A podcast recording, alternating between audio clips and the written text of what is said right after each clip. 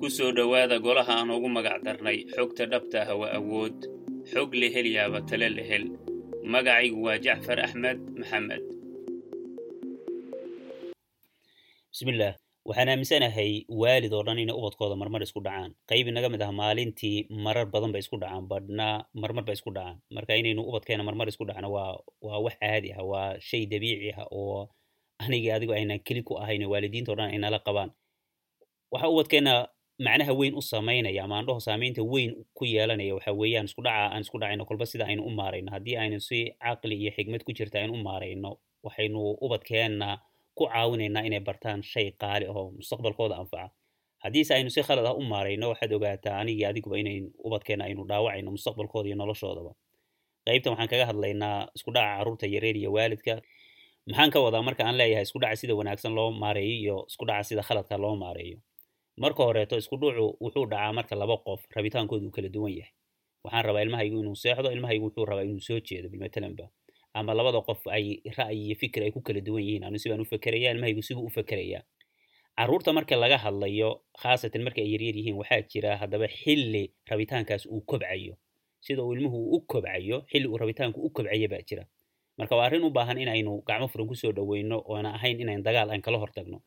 Maxaa yeelay rabitaankaa weeye ka keenaya inay inay carruurta ay wax bartaan. Marka arrintan arrin aada muhiim u ah weeye inayn isla fahamno rabitaanka aynu marka ku miithaalno nuur. Nuur qiyaasi ilmuhu markuu laba laba sano jiro meelahaas muuqanayo oo marba marka ka dambeeya nuurkaasun uu kobcayo. Nuurkaasu awood firfircooni iyo adkaysi buu wataa marka. Waa midka keenaya inay carruurtu waxyaaba fara badan ay bartaan. Xilligana waa xilli ay carruurtu ay diyaar u yihiin inay waxyaabo fara badan ay bartaan marka nuurkaas inaynu juhdi iyo dadaal aynu ku bixinno sidii aynu u demin lahayn ama aynu u naaqunsin lahayn ma ah. Waa inaynu nuurkaa gacmo furan ku soo dhoweyno. Islamar ahaantaana nuurkan weye ka keenaya inaan carruurteena aan isku dhacno rabitaanka. Mararka qaarkood waxyaaba ayna awoodi karin bay damcaya inay sameeyaan. Markaan dabcna inaan caawino aan isku dhacaynaa.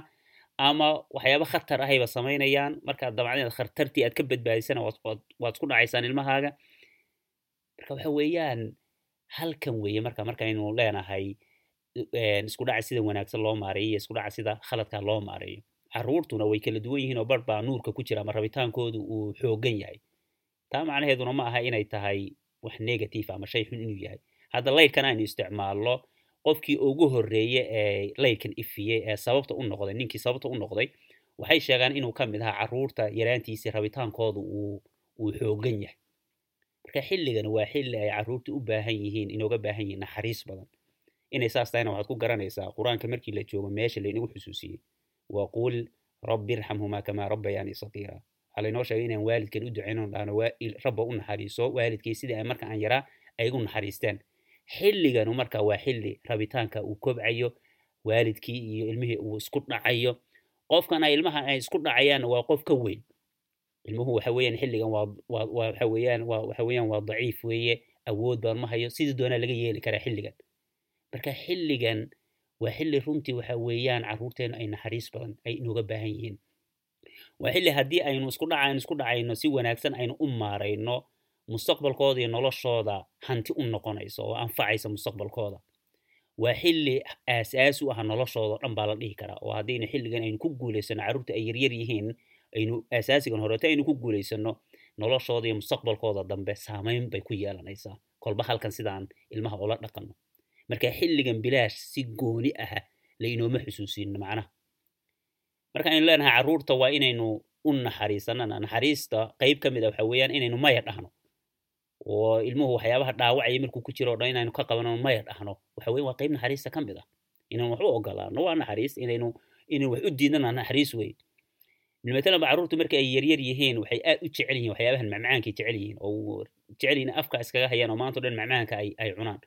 Haddii aad ka qabato waad isku dhacaysaan iisoo gad buu ku leeyahay. Haddii aad u diido waad isku dhacaysaan.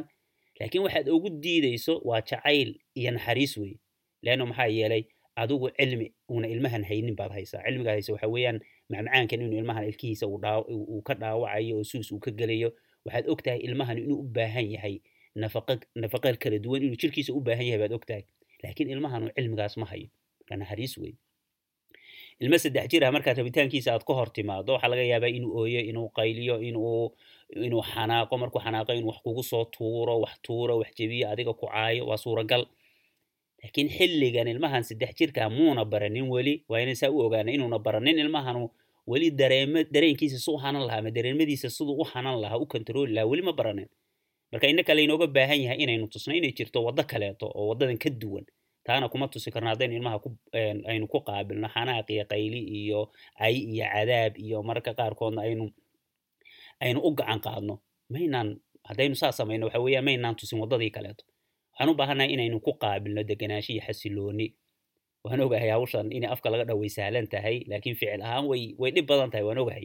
Laakiin waa arrin u baahan inaynu in badan aynu aynu training gareen. In badan aynu isku laylino wey. Waxaad ogaataa mar kasta carruurta marka aynu deganaanshaha iyo xasiloonida aan ku qaabilno in ay u badan tahay inay ilmahaas inuu dego. Haddiise aynu qayle iyo aynu ku qaabilno aynu xoog kaga hortagno waxay u badan tahay ilmahan dareenkii awalba kacsanaa inuu dareenkiisi uu sii kaco. Hawshii intii ay ahayd in ka badan inay noqoto dhibku intuu ka sii bato.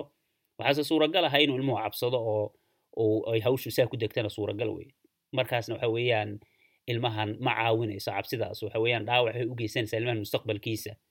Waxay hakad ku keenaysaa ilmahan waxbarashadiisa inuu si dhaqsaha wax ku barto. Marka taa laftigooda ilmaha noloshiisa mustaqbalkiisa dhaawacaysaa. Hadda xilligan aynu ka hadlayno waa xilli ay hadda xilligan aynu ka hadlayno waa xilli carruurta ay yaryar yihiin.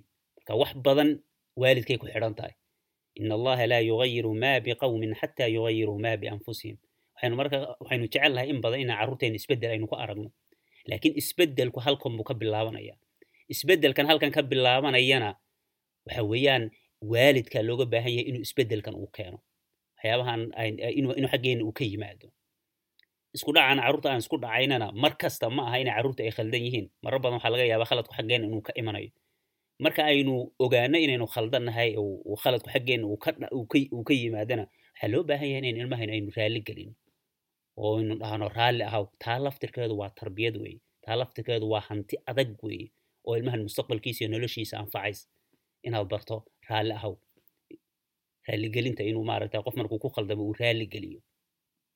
Inayna ahayn jileec inayna ahayn.